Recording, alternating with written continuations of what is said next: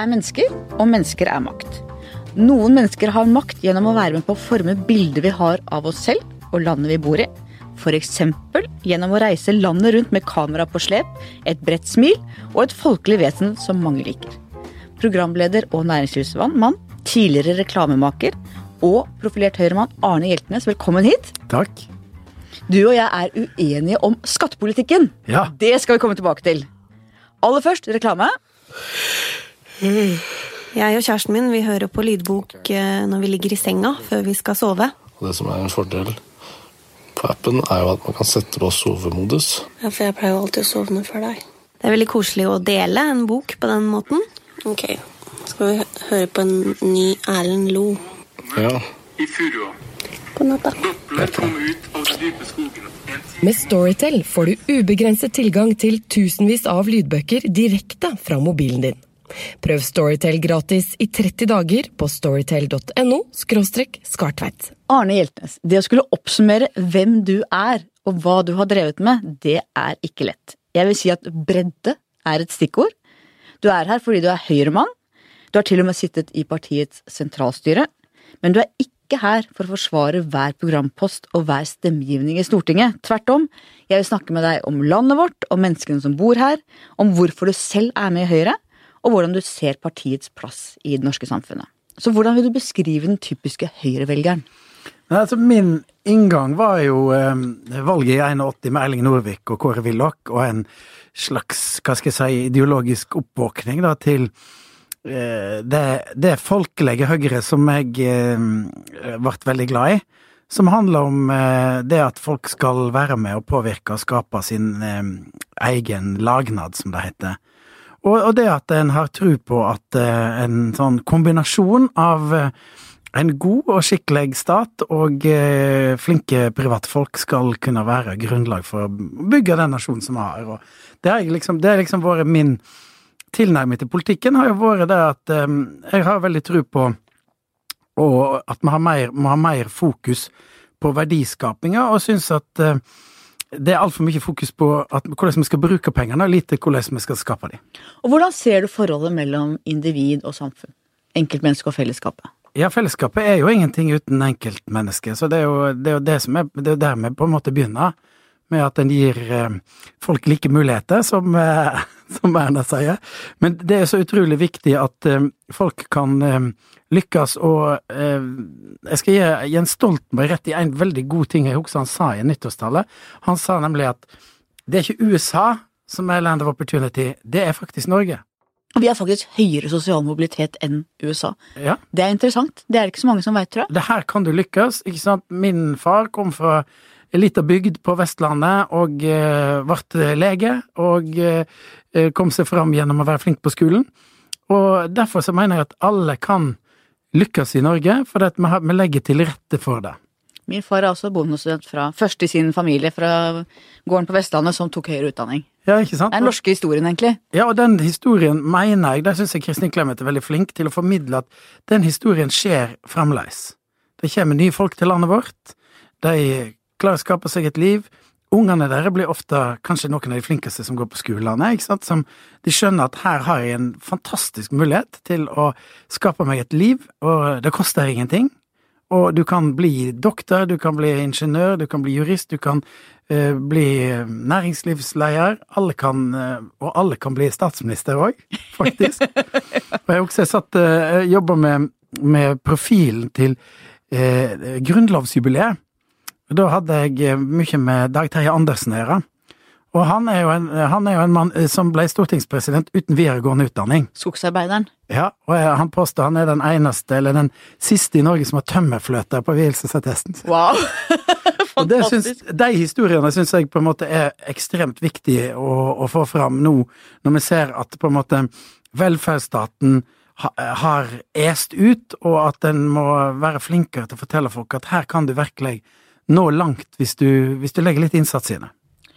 Og hvordan ser du Høyre i dag opp mot det Høyre du faktisk valgte i Kåre Willoch og Harald Norvik sin tid? Unnskyld, Erling Norvik sin tid. Ja, ja det, det er klart at det er jo Det utvikler seg. Jeg eh, var seks år i sentralstyret i Høyre eh, uten noen andre verv Eh, Det er fire plasser som blir valgt rett før landsmøtet, og det er jo ganske nyttig, for jeg hadde ikke ambisjon om noe annet enn å være der og lære og være tettere på og liksom få oppleve hvordan det var å sitte nærmere de som tok beslutningene. Var det så gøy som du trodde det skulle være? Det var, det var eh, kjekkest når, det, når Høyre var i opposisjon.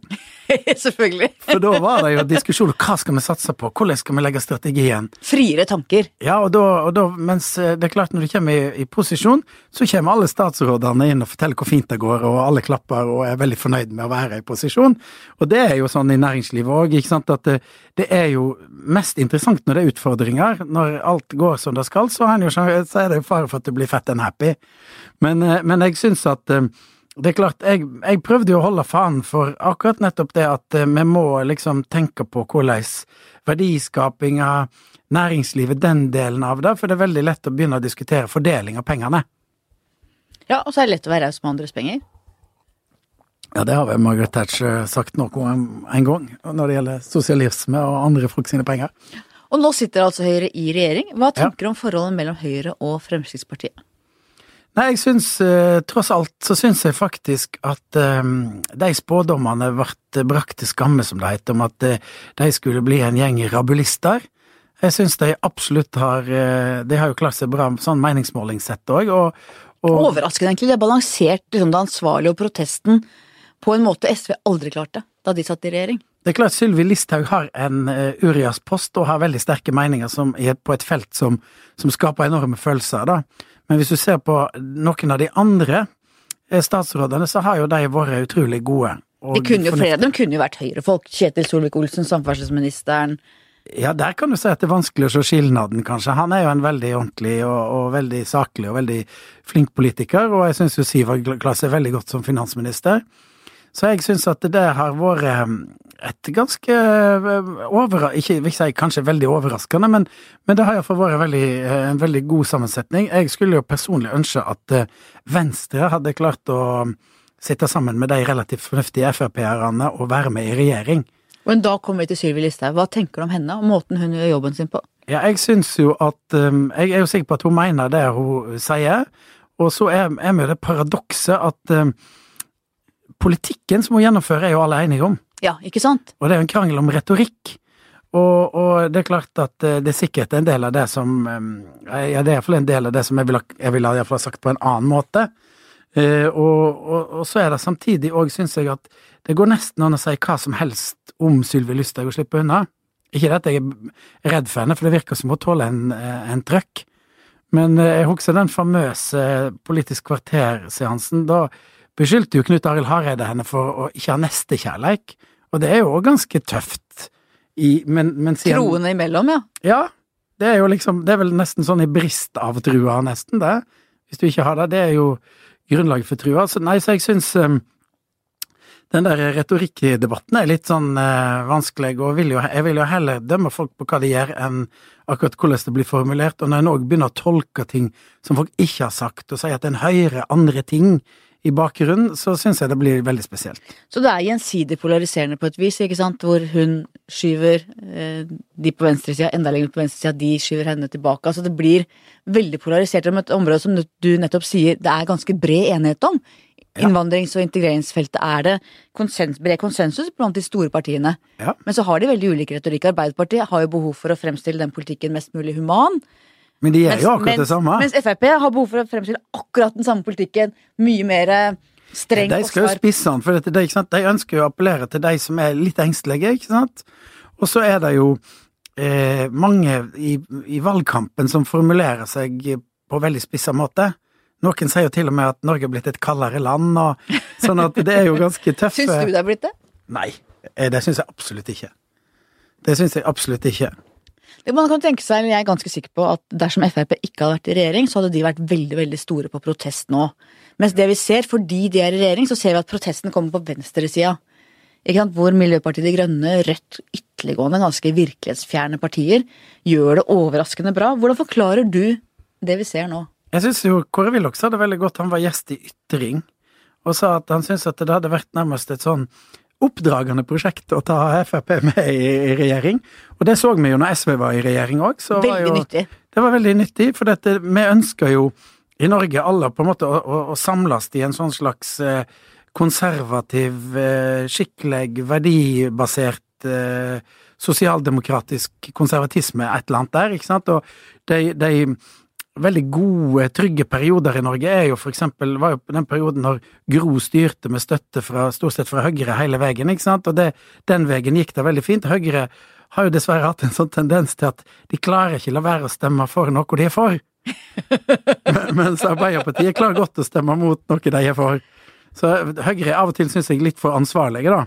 Og det ser en jo òg nå, at mange mener nå at Høyre kan jo forsvinne litt når, når det er Erna som skal bære staur og passe på alle disse som er med i regjeringa si. Samtidig hadde det kanskje ikke vært mulig hvis ikke hun gjorde akkurat det. Jeg syns hun har gjort en helt fantastisk jobb med å, med å klare å holde dette sammen. Men nå så- gjør hun jo ikke det, da. Venstre og KrF er jo på vei I hvert fall KrF er på vei bort. Ja, vi får iallfall se nå når valget er ferdig, da. Men jeg skulle som sagt ønske at Jeg tror at det var feil av Venstre å sette seg sånn på sidelinja. For dette, de har jo åpenbart um, i all sjølransakelsen sin kommet til at de er i bunn og grunn et eh, borgerlig parti. Og da burde de ha vært med. Jeg tror ikke de hadde hatt noe skade av det, egentlig. Men det er interessant, da, for at øh, høyre, nei, venstrevelgerne er jo egentlig øh, mer Arbeiderparti-vridd, mens ledelsen der er mer mot høyre. Mens KrF er jo da Der er velgerne veldig konservative, mens ledelsen er mer retning Arbeiderpartiet. Så begge to har en splitt som er omvendt, da. Som Ja. gjør at det er vanskelig for begge to. Det, det tror jeg nok er en veldig, veldig god observasjon.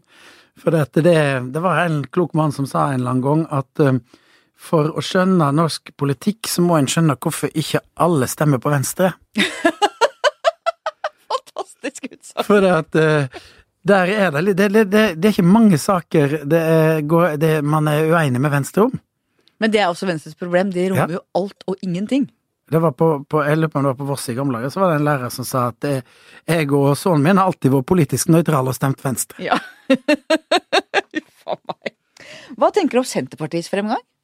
De ligger an til å bli dobbelt så store som sist. Ja, det er jo ikke overraskende når du sier til alle at hvem som helst kan ha sin egen kommune, og at vi trenger ikke ta og følge med i tida og kanskje utvikle Jeg synes de reformene som denne regjeringen har kommet med, har vært utrolig viktige, og vi er jo nødt til å, til å reformere offentlig sektor hvis vi skal overleve i framtida.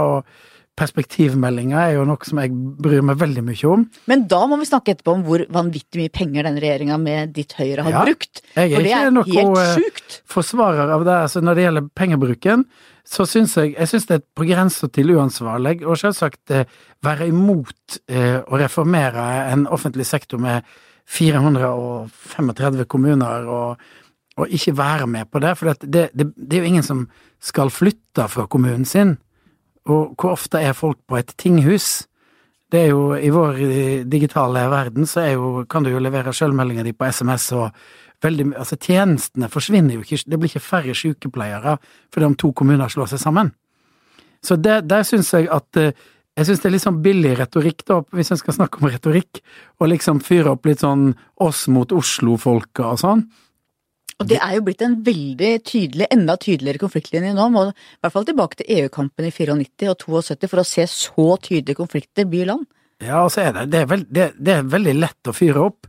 Det er sånn spesielt i samferdsel, ikke sant, så er det sånn På Voss, der jeg kommer fra, så er det jo Så vil de jo gjerne ha motorvei til Bergen, ikke sant, og nå er det vår tur å se på de i Oslo, de får nye, fine tunneler hele tida. får vi jo ikke!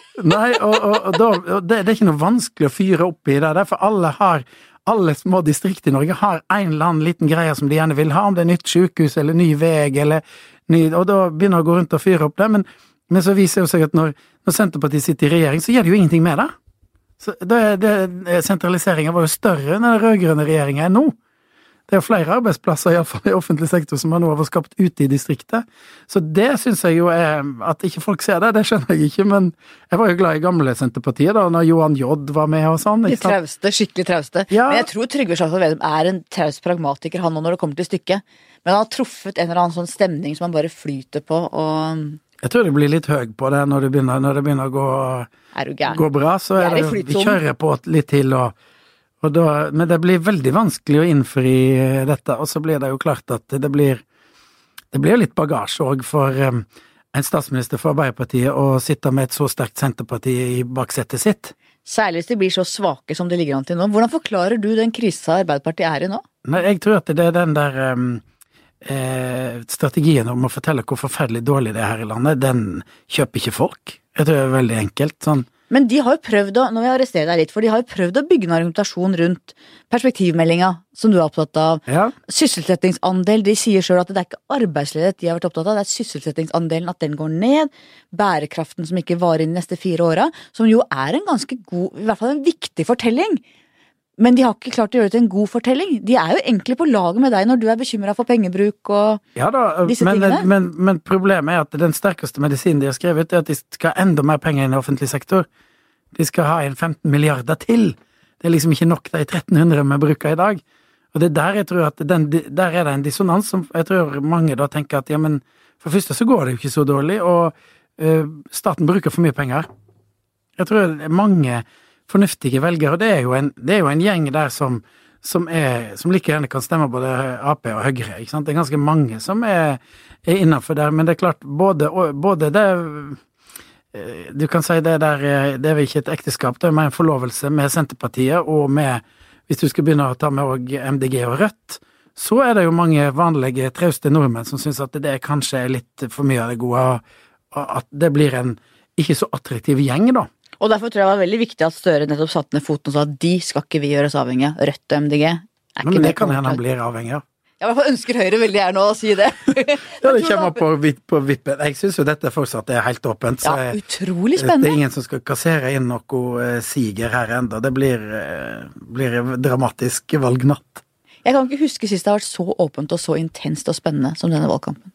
Nei, det kan du si. Det er nok sikkert uh, riktig, men eh, det blir jo sannsynligvis ikke avgjort nesten i løpet av natta heller, kanskje. Nei, det kan faktisk hende. Men Ap-krise, handler det mest om politikk, eller handler det også om person?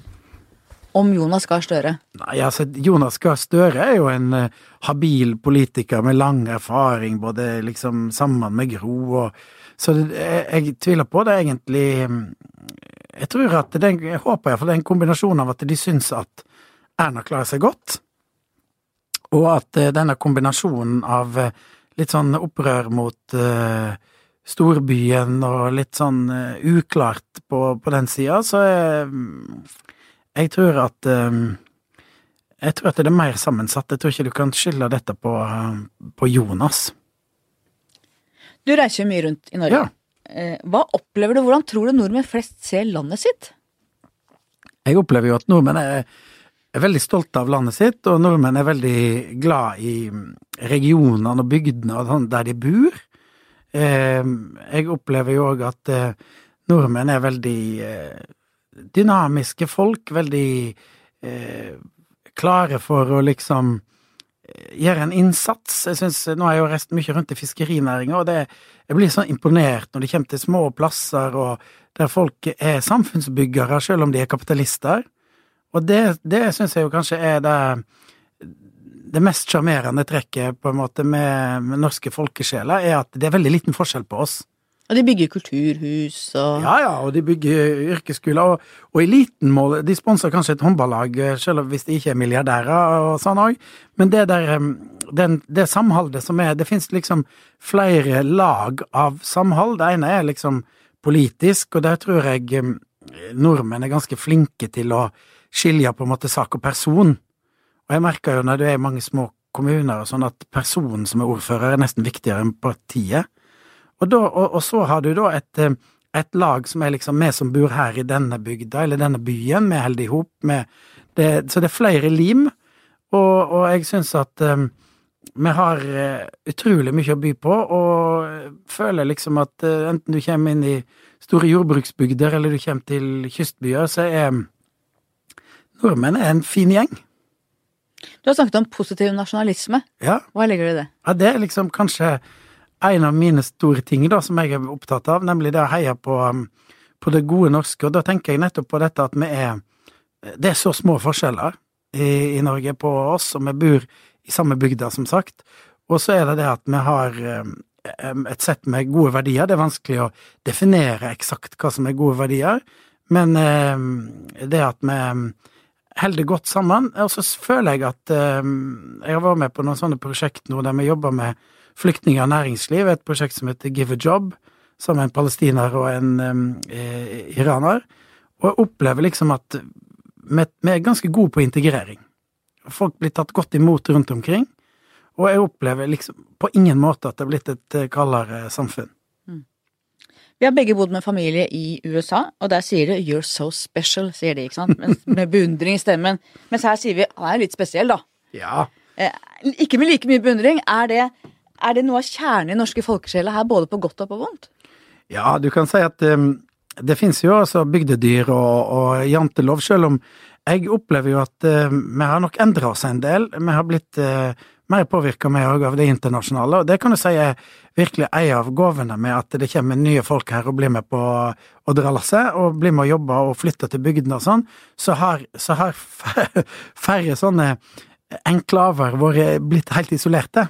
Så nå, nå er jo liksom Og så har nordmenn eh, Altså, da jeg var liten, så reiste Jeg bodde mange plasser i Norge og reiste rundt, og vi kjørte jo fra Trondheim til Hammerfest når vi mm, skulle eh, flytte dit og på ferie og sånn.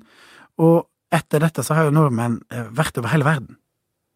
Og jeg tror det har faktisk påvirket oss mer enn vi er klar over, at vi har blitt et reisende folk. Det er bare å se på Gardermoen lufthavn. Den er jo større enn eh, lands... Altså, flyplassen er jo større enn de har i land som er ti ganger så store som oss. Vi reiser jo nå helt vanvittig. Og det påvirker selvsagt verdiene våre òg, at vi ikke blir kanskje så mye at vi sier ja, ja, ja, det var ikke så spesielt, det der nye greiene. Men det er jo litt av det òg, og det jo, kan jo være sjarmerende, og det kan jo være vanskelig, selvsagt. Men det er jo også en protest vi ser nå også. Eh, hvor mye av det tror du handler om migrasjon og innvandring? Litt handler det om, absolutt. Og så det Så handler det litt om det der med at det, det er Jeg tror det henger òg litt sammen med at vi tror at eh, staten skal gjøre alt, og staten skal ordne alt, og eh, vi må òg få her i bygda vår det som vi skal ha, og da blir det en sånn, litt sånn polarisering mellom eh, en stadig økende, økende stat og de, de små kommunene. Så jeg tror at sterkere og større kommuner vil gi mer balanse i, eh, i For kommunereform! ja, jeg er veldig for kommunereform. Det syns jeg er helt supert. Vi diskuterte på morgenmøtet vårt i kommentaravdelinga i dag, faktisk, eh, en kollega som er fra en dal, eh, som sa at hun ble helt rørt når hun ser der hvordan bygdefolk eh, øvelseskjører med asylsøkere som er kommet til bygda, eh, gir lappen, eh, finner jobb, altså virkelig stiller opp for inn i idretten. At det er en dugnadsånd der, samtidig som det jo er et tipping point på hvor mange kan du ta inn, hvor, hvor fort kan det gå uten at du bikker feil vei, da. Ja. Og jeg tror at det er veldig mye av eh, den der eh, debatten, da, som eh, er jo stort sett eh, et sosialt mediefenomen.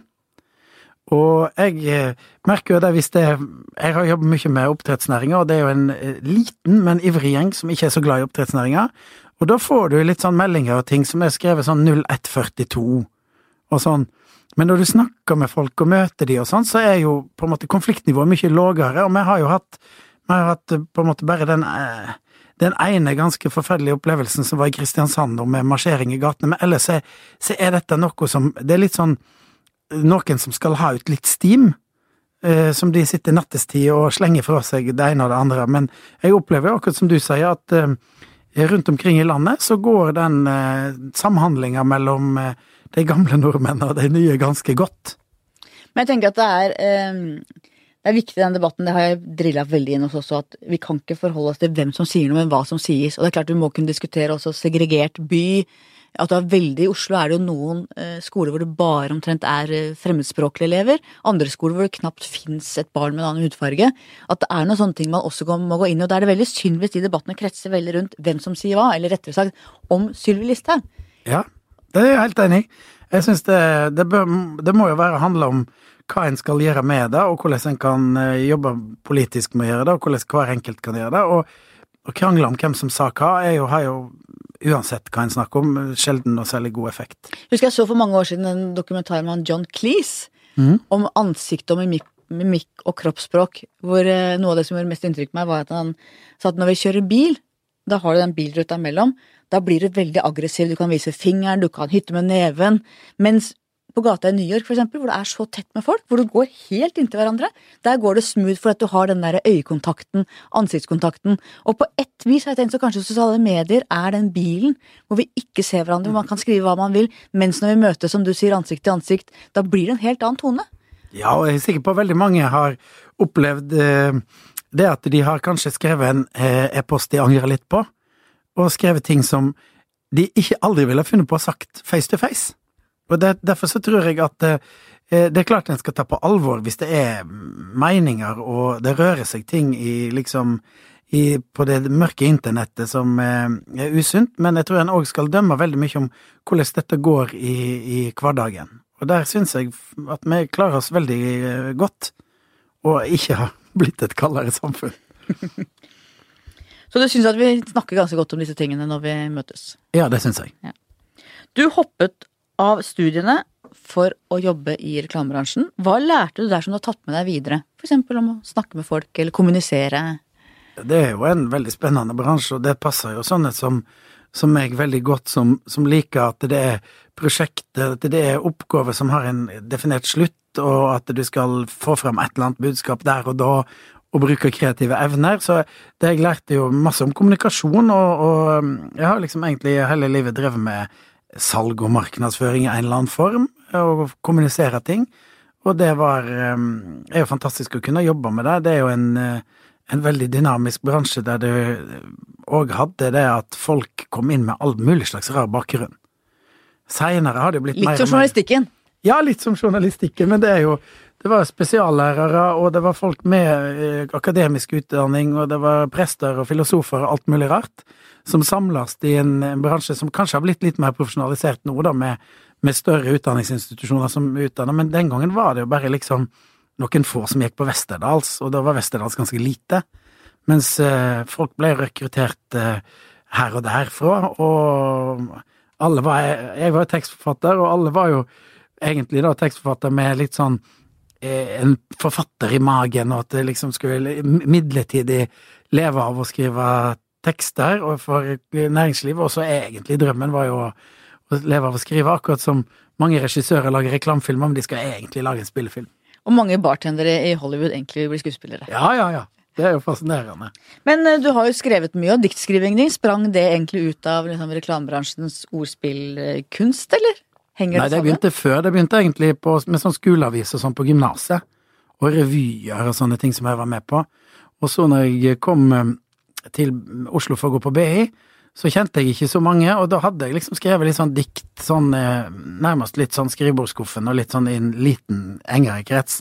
Så sendte jeg de anonymt inn til studentavisa Inside, og så ble de trykt, og da sto jeg fram.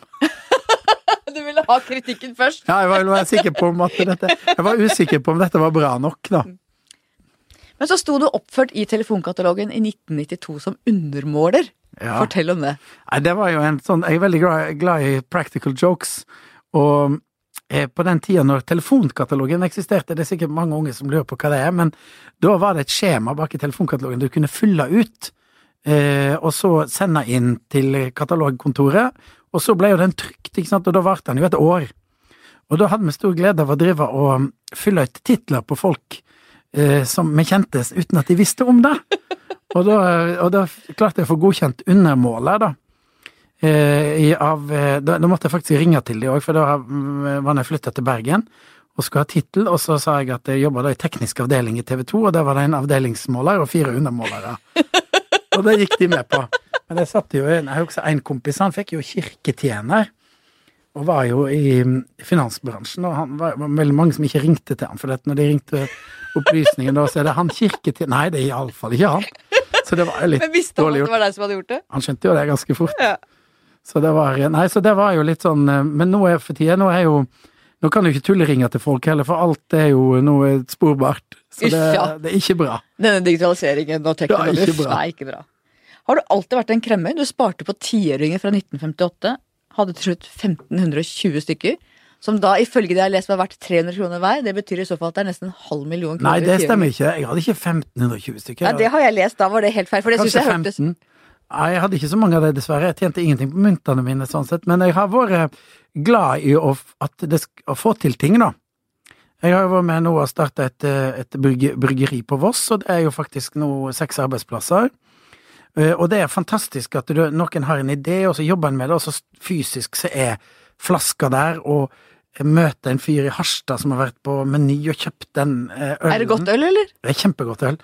Men det, det, det er nettopp det som jeg tror òg var litt sånn i, fra reklamebransjen, at dette skal vi gjøre nå, vi skal få frem dette. Det er et sluttprodukt som er en reklamefilm eller annonser eller et eller annet som blir ferdig.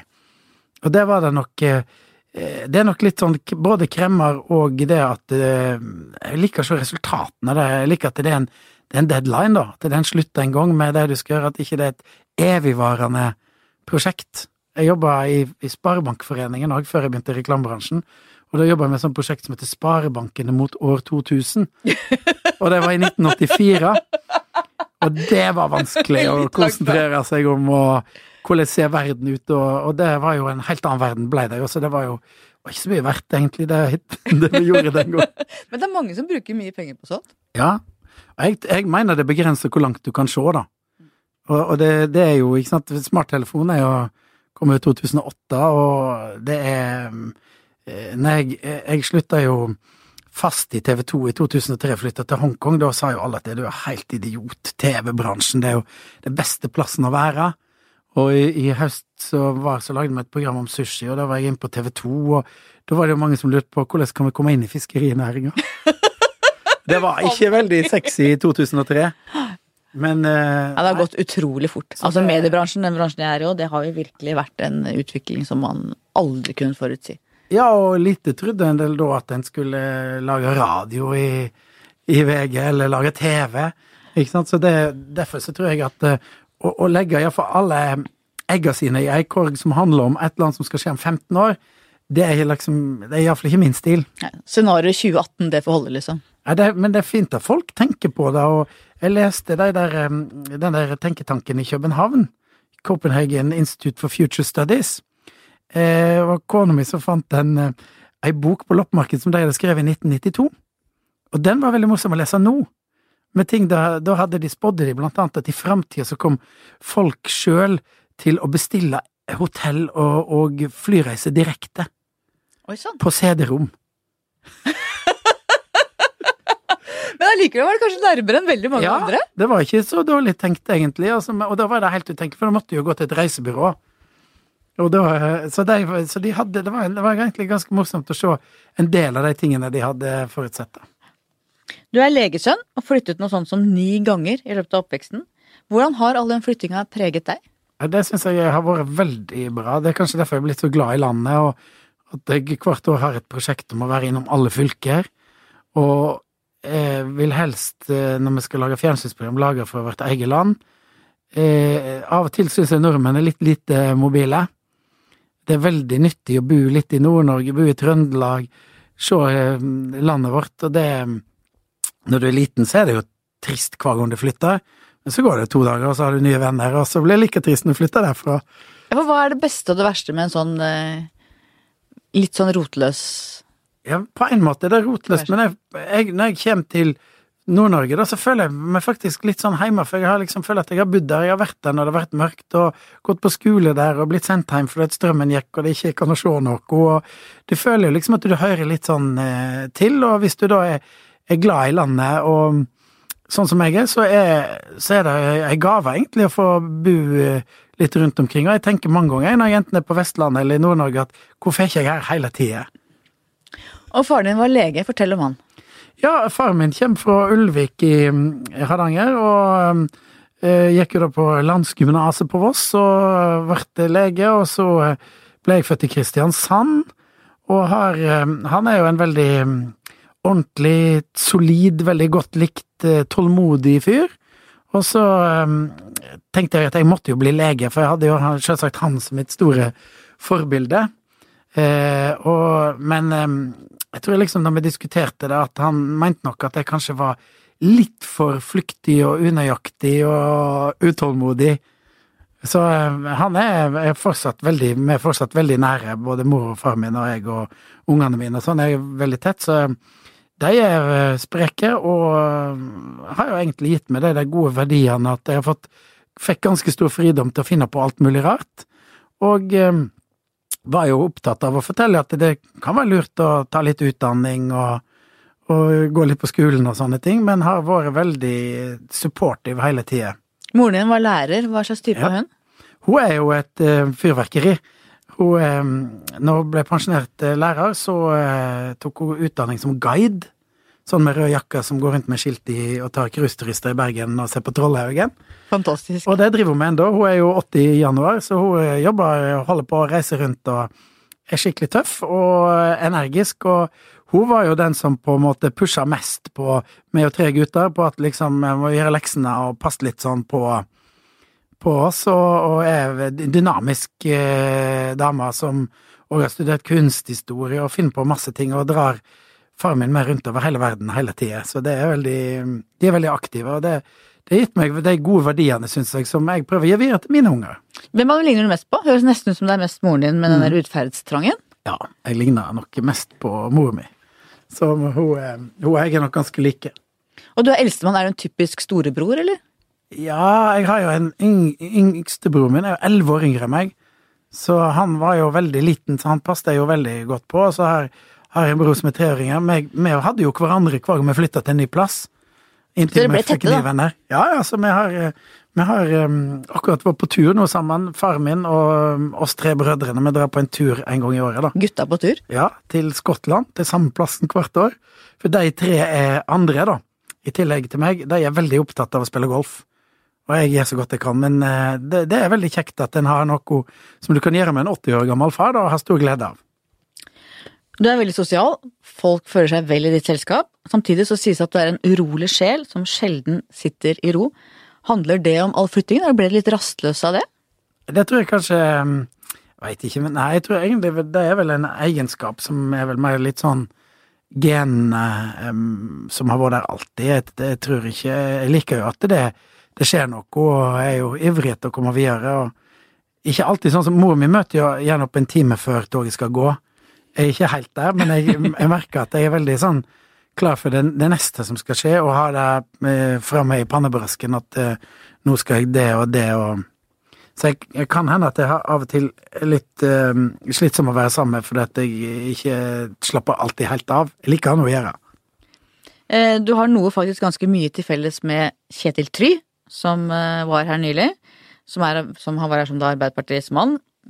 Han ble jo i reklamebransjen, i motsetning til deg. Men det jeg tenker på er at dere begge unngår triste filmer.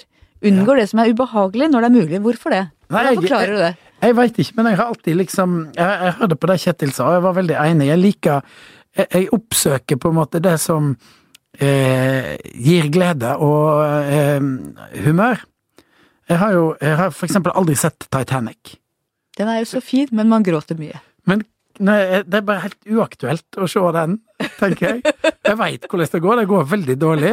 ja, det går jo veldig dårlig. Og jeg vil ikke se den. Jeg vil tenke at det er helt unødvendig å, være trist når en kan være i godt humør. Det betyr ikke at jeg Jeg liker jo utfordringer, jeg liker å jobbe med ting som er vanskelig og sånn, men, men å oppsøke i på en måte kunsten, da, eh, triste ting, det er helt unødvendig, for da får en heller eventuelt takle de triste tingene som kommer dette dettende i trynet ditt eh, uten at du har bedt om det, enn å drive og skape det i tillegg. Så jeg, jeg ønsker at det skal være eh, hyggelig, og at vi, at vi prøver å finne en god stemning da, der en kan. Men betyr det at du også er litt konfliktsky, eller? Eller buk- bukker unna ting også på praten? Ja, jeg kan nok kanskje være, av og til være litt eh, konfliktsky. Så det mm, jeg, Hvis jeg diskuterer politikk med folk som jeg er helt uenig med, så prøver jeg å finne ut er det noe her som vi kanskje kan være enige om.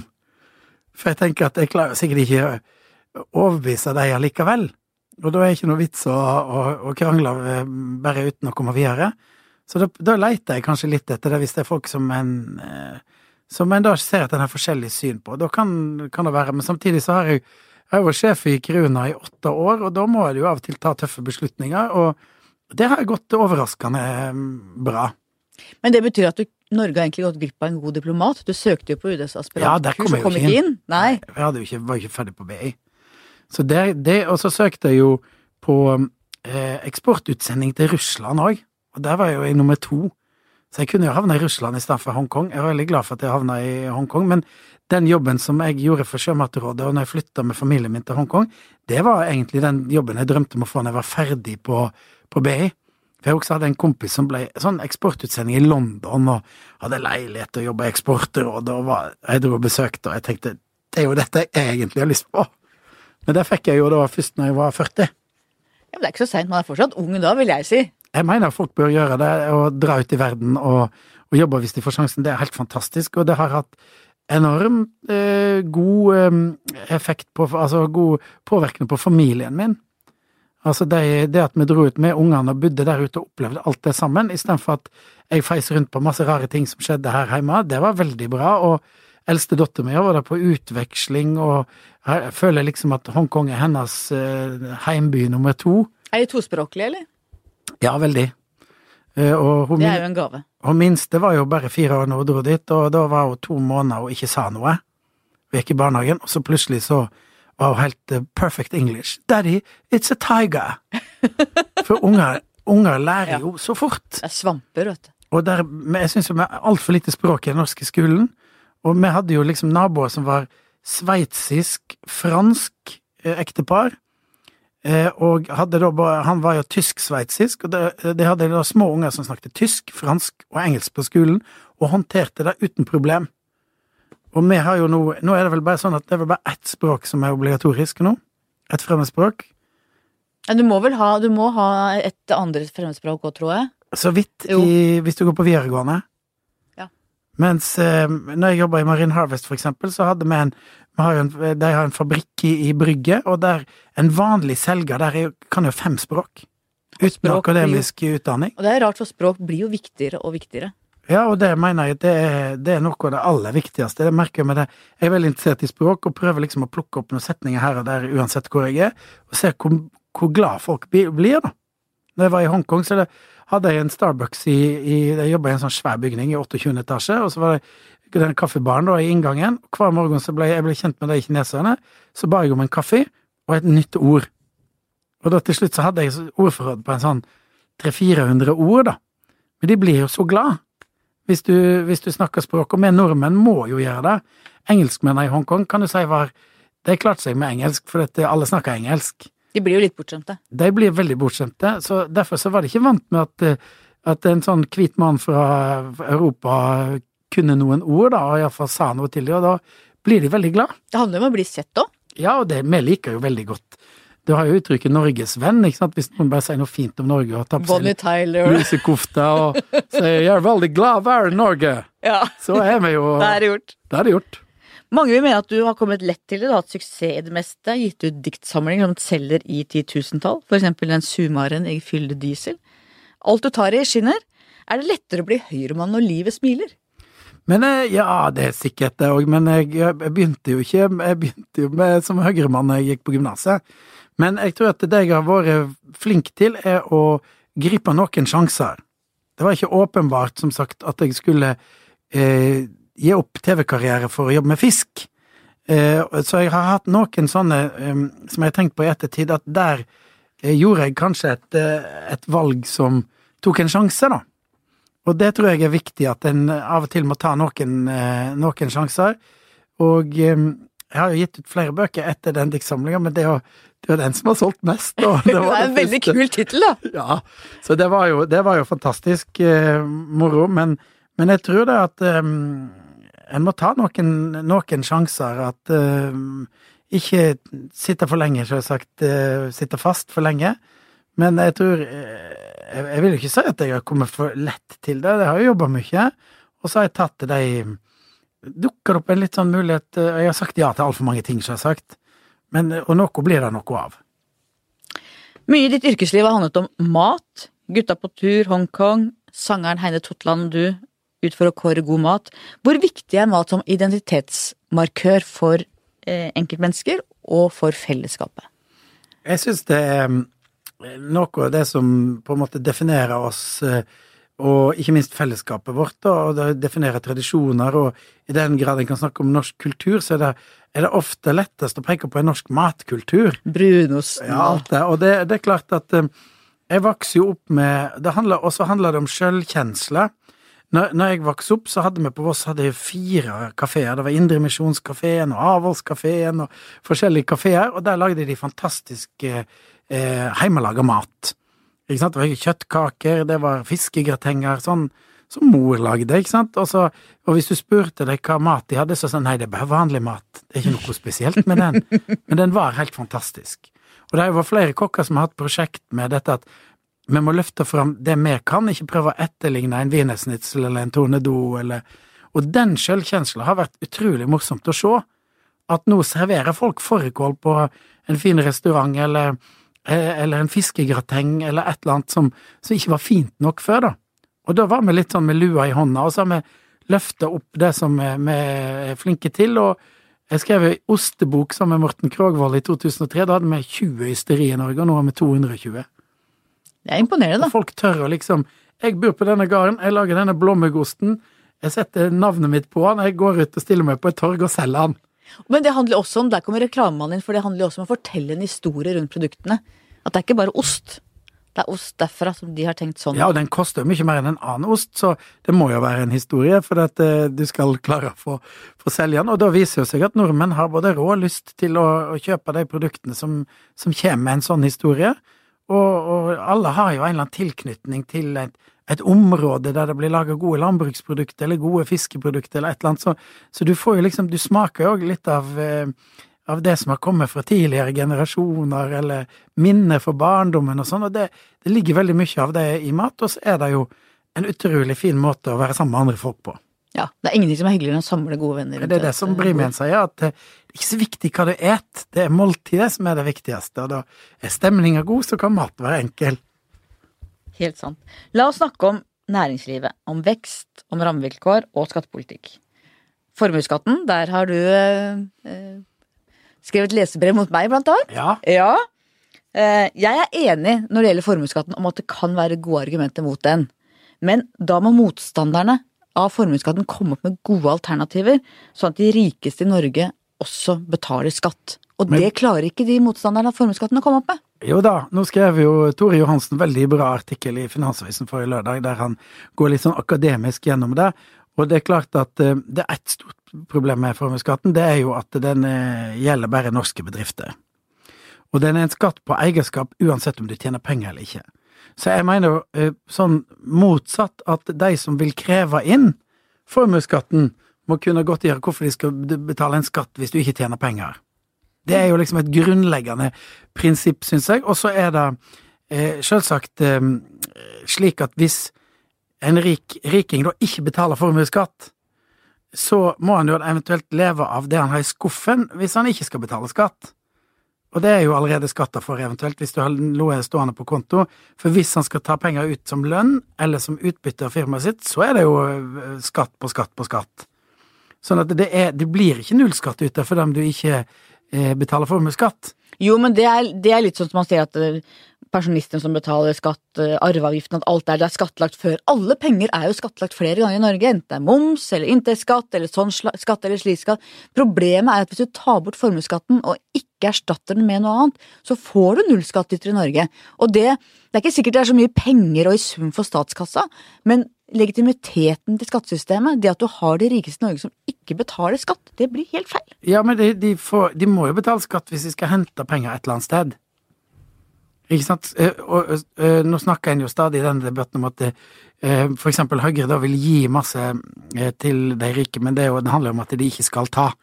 Ikke sant? Det er jo motsatt prinsipp. Men hvis du ikke betaler formuesskatt, så skal jo du betale for Hvis du er en riking, da, skal betale for alle bilene dine og båtene dine, så må du hente de pengene et eller annet sted.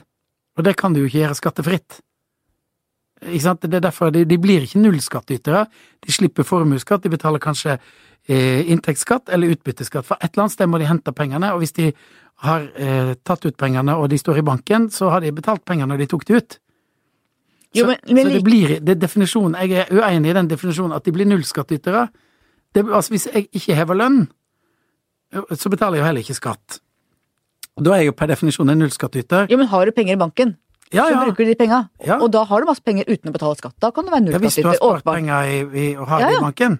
Ja. Men, men det, det er jo akkurat samme som hvis du tar ut penger og setter det i banken, så har du, betaler du jo skatt. Du får lønn, trekker skatten, setter det i banken. Men hvis jeg har 100 millioner i banken, ja, så er det klart jeg skal hvis du har fått 100 millioner kroner skattefritt, men det har du jo ikke. Det er jo skattlagt en eller annen gang. Jo, jo, men alle penger er jo skattlagt mange ganger. Jo, du, da da kan blir det jo- at Hvis du betaler moms, så betaler du skatt. Poenget er, og dette har jo Finansdepartementet også og regna ut, hvor mange som blir nullskattytere hvis man tar bort formuesskatten. Og det jeg syns er rart, da, eller uansvarlig, er at ikke eh, både Høyre og Arbeiderpartiet for seg ser at du er nødt til å gjøre noe med boligbeskatning, eiendomsbeskatning.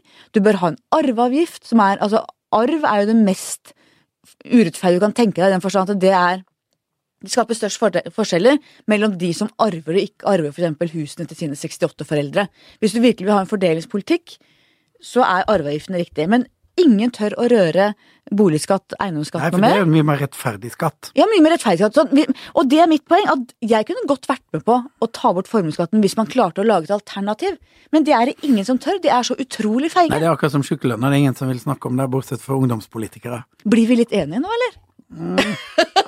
Jeg er ikke enig i definisjonen, da, men, men jeg mener jo at, um, at det Den der um, jakta på de rikingene, og hvordan de pengene Den der vesle formuesskatten, da, som Vi snakker om et statsbudsjett på 1300 milliarder, og dette er jo en veldig liten del av skatteinntektene. Jo, men det handler om legitimiteten til Ja da, det skattesystemet, er som er kjempeviktig. Men, men i debatten om det nå, så blir de pengene brukt om igjen og om igjen og om igjen. Det er jo, Jeg vet ikke hvor mange ganger Arbeiderpartiet har brukt de opp i valgkampen nå. De kan ikke finansiere en stat som har 1300 millioner i utgifter med noen få Milliarder. milliarder. Milliarder utgifter. Ja, 1300 milliarder.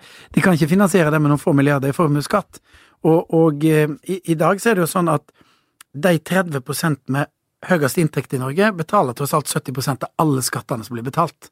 Men det er veldig mye øvre middelklasse som betaler den Ja, og det, det er det som jeg mener er problemet i Norge, er at du går etter rikingene, men de du tar, er de hakket under.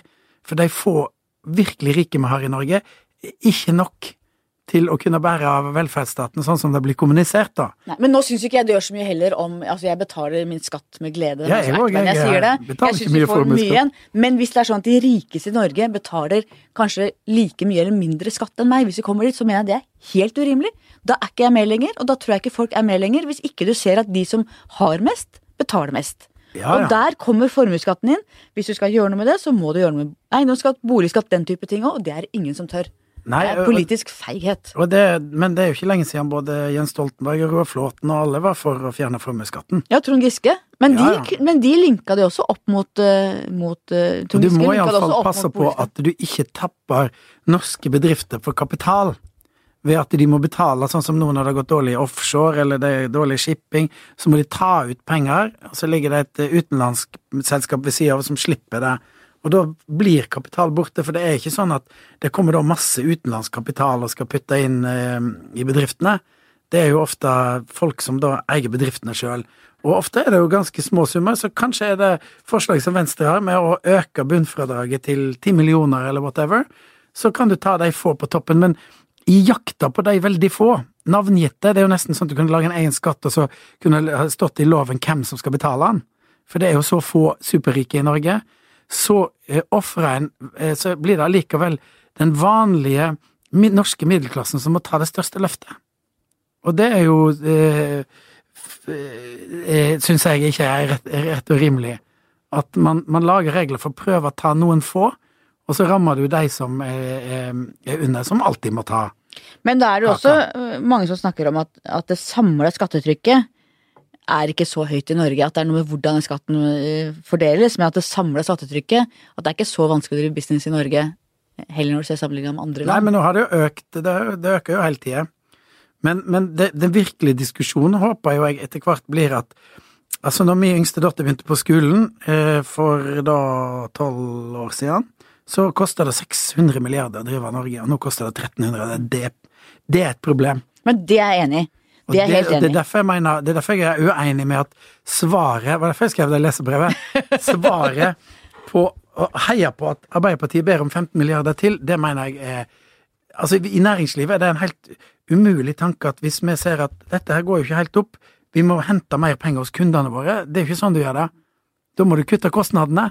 Og det er der ingen politikere syns jeg eh, Altså, det er for lite snakk om det, hvordan vi skal spare penger. Men dette er helt enig og det, det, er, det her kan vi bli enige. Ja, bra. alltid- Da begynner vi å nærme oss noe. Ja, det kan være Det er viktigere enn formuesskatten, for å si det sånn. Ja, for det som jo skjer er at Man er mye mer opptatt av budsjettene, av hvor, hvor mye man klarer å bevilge, enn hvordan pengene faktisk blir brukt. Ja. Det å se på en budsjettdebatt i ethvert kommunestyre eller i Stortinget handler om å få hvor mye man får bevilga, og suksess måles i beløp. Mens regnskapene bruker man liksom knapt tid på. Hva kom ut av de pengene? Det er et Ja, et det er jo kjempeproblem. Altså, øh, hele Hvis du snakker om hele formuesskatten omtrent, går til tunnelen, den nye tunnelen til Stortinget, og konsulenttjenestene til Jernbaneverket. Det er to milliarder begge deler. Det går ikke an. Men det vi er uenige om, da, eh, er eh, at du må ha et skattesystem som alle føler er rettferdig, for at vårt velferdssystem hviler på at folk skal yte etter evne og nyte etter behov. Ja, Og da må jeg, som en vanlig sånn øvre middelklassedame som betaler min skatt med glede, vite at de som har aller mest, de skal jaggu bidra, de òg. De skal ikke sitte og ordne og få skattefordeler og mekke det til. Da må man finne andre måter å skattlegge de på som gjør at jeg fortsatt opplever at det er rettferdig. Og det kan ikke motstanderne av formuesskatten så langt komme opp med. Og så er jeg helt enig med deg at du må se hvordan penga brukes. Jeg syns at den dagens regjering har brukt uansvarlig mye penger, også de rød-grønne før dem, men nå har jeg tatt enda mer av. Hele generasjonsperspektivet, at ungene våre, perspektivmeldingen, at man ikke passer på at vi nå svir av penger som skulle vært mange generasjoner fram i tid. Ikke sant? Perspektivmeldinga sier jo enten må du øke skattene, eller så må du kutte i velferd, eller så må du jobbe mye mer. Vi står overfor du kan øke skatten en stund, da, men, men så til slutt så har du 100 du, altså du kan ikke ha 100 Nei. skatt. Den berømte Gaus-kurva er jo det sånn at på et eller annet tidspunkt så er det jo Det er jo også dynamiske effekter, da, selv om ikke alle tror på det. Så er det dynamiske effekter i å slippe å, å, å, la folk få lov å disponere mer av pengene sine. Eh, Men eh, utgiftene er helt eh, håpløse, og, og, og sant, det er et par utfordringer. Det er jo blant annet da at eh, eh, en bruker veldig mye penger på at eh, en tredjedel av arbeidsstokken ikke jobber. Og er det har jo vært. Arbeiderpartiets budskap i denne eh, valgkampen, som har vært veldig vanskelig å selge inn, er den såkalte sysselsettingsandelen. Men Ja. det at færre jobber, og at færre menn mellom 30 og 39 år jobber, motsatt Sverige og andre nordiske land, det er jo helt uforståelig og veldig alvorlig. Ja, og det, og det mener jeg at det er nødt til å gjøre noe med, og elefanten i rommet er sykelønnsordninga, blant annet. Den, det, jeg er helt sikker på at hvis noen hadde vekt til liv Einar Gerhardsen eller Martin Tranmæl, så hadde de aldri meint at det skulle være 100% De hadde tenkt at nei, dette går jo ikke. Sånn at det, og, og, og det ingen vil gjøre noe med det. Og, det, Og Jan Tore Sanner sa jo i Politisk kvarter her en morgen at nei, for det ble så mye bråk hvis de gjorde noe med det. Ja. Da tenker jeg, da, har, eh, da svikter jobben din. Men jeg mener at det, man er nødt til å gjøre noe med, med det, for ellers så går ikke regninga opp. Da kan du, du kan doble formuesskatten til de få rikingene, og de vil ikke få nok penger. Og det, det er 1300 milliarder. Er, vi har ikke blitt dobbelt så mange nordmenn på tolv år. Men hvordan skal vi få de særlige mennene inn i jobb? Hva skal vi gjøre med det utenforskapet? Det er ikke noe enkel eh, sak. Eh, Det er jo det er jo en del, eh, det er jo en del jobber i nasjonen som skal gjøres, og vi må jo på en måte gjøre det mer attraktivt å, å jobbe. For det er sånn som det er nå, men jeg syns jo spesielt de, de jeg har størst respekt for, er jo de som går på jobb i lavtlønnsjobber som er nesten det samme som ei trygd. De er jo egentlig de som samfunnet burde heie aller mest på. For at hvis du da har en, en lavtlønnsjobb og veit at egentlig Hvis jeg bare innretter meg, så kan jeg egentlig la være å jobbe med å få omtrent det samme. Og det, det er jo sykdomstegnet, at det er sånn. At det er for liten forskjell. Og det er utrolig vanskelig dilemma, for samtidig har du ikke sant, problemstilling rundt barnefattigdom, barn som vokser opp i fattige familier. Du har hatt utredninger som viser at hvis én i en familie kommer i jobb, og man er på trygd, så vil det over tid, eller ganske kjapt, løfte hele familien ut av fattigdommen. Men så er det det derre tipping pointet, da. Hvor du, hvor du kan risikere at førstejobben lønner seg mindre enn trygda. Så du kommer aldri ut i den spiralen som da går oppover. Og der mener jeg at det er ekstremt viktig å ha fleksibel arbeidsliv, da. At du, folk må få prøve seg, at det er lettere å få, å få gi folk midlertidig jobb, da. Nå det- har jo vist seg at det har blitt sånn som i sykepleierne hørte jeg her nå, så har jo allikevel, selv om denne regjeringa har hatt eh, mer et, et annet syn på midlertidige jobber, så har det blitt flere faste enn det var i forrige periode. Men, men jeg tror at det er veldig viktig. Det gjelder jo både folk som har nedsatt arbeidsevne, og folk som da kanskje har vært litt utenfor arbeidslivet en stund, hvis det er lettere eh, for bedriftene å ansette dem, gi dem en sjanse, så vil jo en større andel av dem komme seg i jobb, enn hvis du sier at nei, du, vi må ansette han eller hun eh, eh, fast, eller så blir det ikke noe av, og da er det mange bedrifter som ikke har råd til det. Nei, det er utrolig komplekse problemstillinger, det er i hvert fall ikke bærekraftig sånn som det er Jeg er. glad at ikke det er mitt ansvar å få orden på alt dette. Men kunne du tenkt deg å bli statsråd, eller? For eksempel næringsminister? Nei, jeg veit ikke Jeg har egentlig ikke tenkt så mye på det. Du sier ikke nei hvis Erna ringer. Nei, men det, problemet mitt er jo at jeg, jeg er jo utrolig inhabil i alt mulig. Jeg har så mye, har så mye greier jeg da måtte slutte med, så jeg har alltid tenkt at det ville være veldig vanskelig. Men, men det er klart at um, det er et hypotetisk spørsmål. Hvis, de, hvis noen skulle ringe og spørre meg om det, så, em, så jeg jo Jeg liker jo utfordringer, så det er klart at jeg hadde kanskje sagt ja til det. Men jeg tror at det som er trist, da, på en måte, er at, som jeg opplevde for så vidt når jeg var med i, delvis i politikken, er jo at det begynner å bli veldig spesialisert. Så det er veldig vanskelig for iallfall for mindretallsregjeringer å satse på folk som ikke har lang parlamentarisk erfaring. Når du ser på disse ringrevene i alle partier som har vært der lenge, som kan byråkratiet, som kan irrgangene i Stortinget, som, som kan liksom spille sånn at de ikke havner i trøbbel i spørretimen. Det er de som på en måte mm, overlever, og det er for lite utskifting. Man trenger jo folk som har levd litt utafor òg. Ja, jeg syns jo det er utrolig viktig, og når det kommer inn folk fra utsida, og, og egentlig så burde det være åremål å være på Stortinget, sånn at du fikk litt utskifting i det, men nå er det jo Det er så utrolig mye du skal forholde deg til eh, i forhold til i, i gamle dager. Det har mediefloraen er større, ikke sant. Det er, det er en mye mer krevende jobb å være en, både en en stortingsrepresentant og en eh, minister, tror jeg, enn det var før. Og jeg husker jo Kåre Willoch sa at i hans regjering så var det jo i 1981 så det, var det én statssekretær i hvert departement. Og nå vet jeg ikke hvor mange det er. Det er sikkert ti. Nei, men det er mange. Det er mange flere enn det var. Jeg tror det er 200 og noe. Er det så mange? Jeg vet ikke. Nei, ikke statssekretær. Hvis du tar politiske råd og statssekretær, altså 19 kanskje Ja, de har ikke så mange. De har kanskje to-tre statssekretærer, og så har de noen politiske rådgivere, og så har de noen kommunikasjonsfolk, og ja. Nei, vi kan, vi kan Men det har i hvert fall økt en Det har økt masse. Jeg må spørre deg om Høyre og Kina. Om Ja. nobelprisen og Erna Solbergs usedvanlig ryggesløse møte med kinesiske myndigheter etter at vi igjen kom på talefot med Kina. Hva tenker du om det? Jeg- jeg- Dette var et spørsmål med mange føringer i. Ja da, det var et uh, lada spørsmål.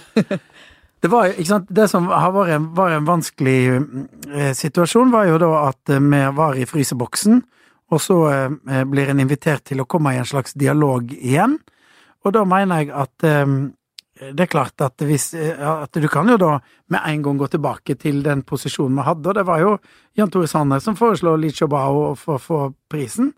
Men eh, da tenker jeg at når du har det over uten kontakt, så er ikke jeg, jeg er ikke sikker på om den farbare veien er da å begynne å rasle med sabelen med, med en gang, eller om du skal da begynne å bygge deg opp en slags tillitsforhold. Men det er forskjell på å, eh, å være litt mer moderat og sleike gulvet foran de folka. Ja, det er ikke jeg enig i at de gjorde. Eh, Når Erna Solberg ikke kommenterte da Alicia Bo døde, og så sier hun etterpå at det, er en menneskerettighet for politikere å ha ferie. At det var grunnen til at mener, Det kan hende at det var vi- vikarierende eh, forklaringer på det, men, men, men poenget mitt er at hvis en skal oppnå noe, hvis du blir, eh, blir Hvis du har en eller annen konflikt med noen, og så begynner man å nærme seg igjen, så er det kanskje ikke det første du gjør, er å gyve løs og si at ja, men du gjorde jo det den gangen, eller du sa det den gangen. han kunne, hun kunne sagt det var en stor sorg vi eh, noterte oss hans eh, død, Ja, for det kunne hun sagt. Ja, det var ingenting. Nei, jeg må si nå ble, er nå ble vi uenige, for jeg må si at det syns jeg var helt horribelt. Jeg kjenner dypt i Ja, jeg hadde ikke at, at det var det hun sa, men, men, men jeg mener at eh, jeg tror at det er fornuftig av oss å være i dialog med kineserne fremfor å være i fryseboksen. Det, det, og vi har jo det forholdet til mange andre land, så det, jeg, jeg syns ikke det skal være spesielle regler for, eh, for Kina. Vi har jo relasjoner til land som, som gjør mye rart, uten at du tar opp det hele tida. Jo, men det får da være mått på, og det, Ja, jeg hører du si det, Ja. men Men jeg tror jo at det at man tar opp eh, sånne ting og diskuterer det, og vårt synspunkt er kjent, og eh, Men så er spørsmålet time and place, om du skal gjøre det hele tida. Nei, men her mener jeg at de virkelig bøyde nakken altfor mye, og jeg syns det er en pinlig eh, et pinlig kapittel i den blå-blå regjeringas historie. Det handler om moral, om verdier. Hvordan ser du verdidebatten som gikk høyt tidligere i sommer? Norske verdier. Mm. Og jeg, nei, jeg mener som sagt at jeg tror vi har et um, sett verdier. Alle er ikke like lette å um, sette liksom ord på. Og det handler jo mer om den uh, litt sånn den norske væremåten. Noen sier demokrati, mange har demokrati. uh, men um, jeg tror at vi har et, et raust samfunn der folk vil hverandre vel, og det er jo en, en, en verdi. Og så blir det jo igjen litt sånn, ofte diskusjon litt sånn retorikkmessig. Jeg husker det var en annen, det var en eh, politisk kvartering der Siv Jensen fikk spørsmålet liksom ti ganger etter hverandre. Hva er norske verdier? Og det er ikke så veldig lett for meg å si, eller noen å si, og det kan være forskjellige oppfatninger av det, men, men det ligger jo mer i måten vi er sammen på i samfunnet, og diskuterer ting og oppfører oss overfor folk som er annerledes, enten de er i en annen situasjon enn oss, eller de har en annen bakgrunn. Og der tror jeg at um, det blir veldig vanskelig når, når, folk definerer det på så ulike måter, og det er en eh, litt sånn, hva skal jeg si um, det, er, det, er en, va, va, det, det, er ikke noe sånn klare svar, altså det er ikke naturvitenskap. Men tror du det er noe som ligger i oss som vi egentlig kjenner litt på alle sammen, uten at vi helt klarer å formulere det? Ja, jeg tror det er veldig vanskelig å formulere for alle nasjoner og folkeslag, og noe av det ligger jo liksom i det vår kristne kulturarv, som det heter, og, og uh, veldig mye har jo vi fått fra andre, så det er jo ikke liksom at vi har funnet opp uh, alt mulig rart sjøl, men vi har jo liksom etter hvert uh, Det er mer en metode, kanskje, enn en verdi, da, å være norsk. Altså, det er mer en, en opplevelse av å, å være noe. Du føler jo at det var ikke helt sånn som vi pleier å ha det her, og som du sa i begynnelsen, liksom at ja, sånn har vi det ikke her i bygda. Den, eh, den kan jo være òg en positiv eh, sånn ryggmargsrefleks.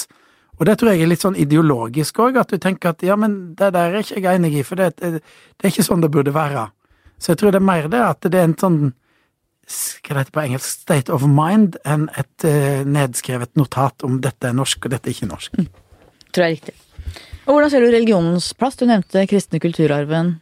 Ja, jeg syns det ligger veldig mye godt i den um, kulturarva som vi har, som på en måte har vært generasjoner på generasjoner har brakt videre, og det er jo òg en evolusjon, da, for, for, det å være kristen i dag kontra kyrkja når den var en maktfaktor som krevde inn skatt og sånn, så er jo det en evolusjon, det òg, men det er åpenbart at folk hele tida har eh, behov for å tro på noe.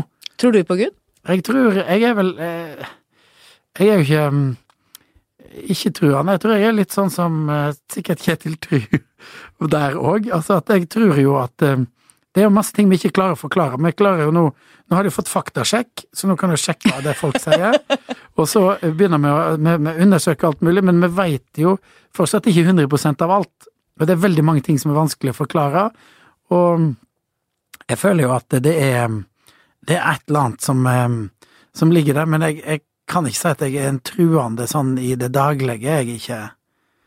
Men jeg har konfirmert, og ungene mine er døpt, og det er et eller annet der, og det, det tror jeg òg er litt sånn den Om det ikke er en norsk verdi, så er det iallfall et eller annet med kulturen i det, og svigermor mi er veldig klok dame, hun, hun konfirmerte seg ikke på, i Oslo på 50-tallet, det var ikke veldig vanlig, men når det er for eksempel barnedåp, så sier hun at ingen har vondt av en, en liten velsignelse.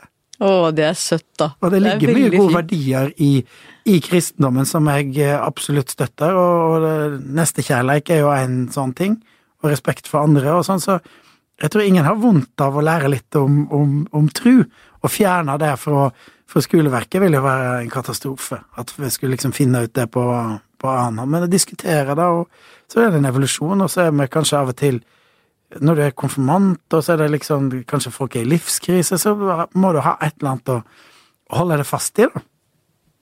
Tror jeg er riktig. Til slutt, mitt faste spørsmål.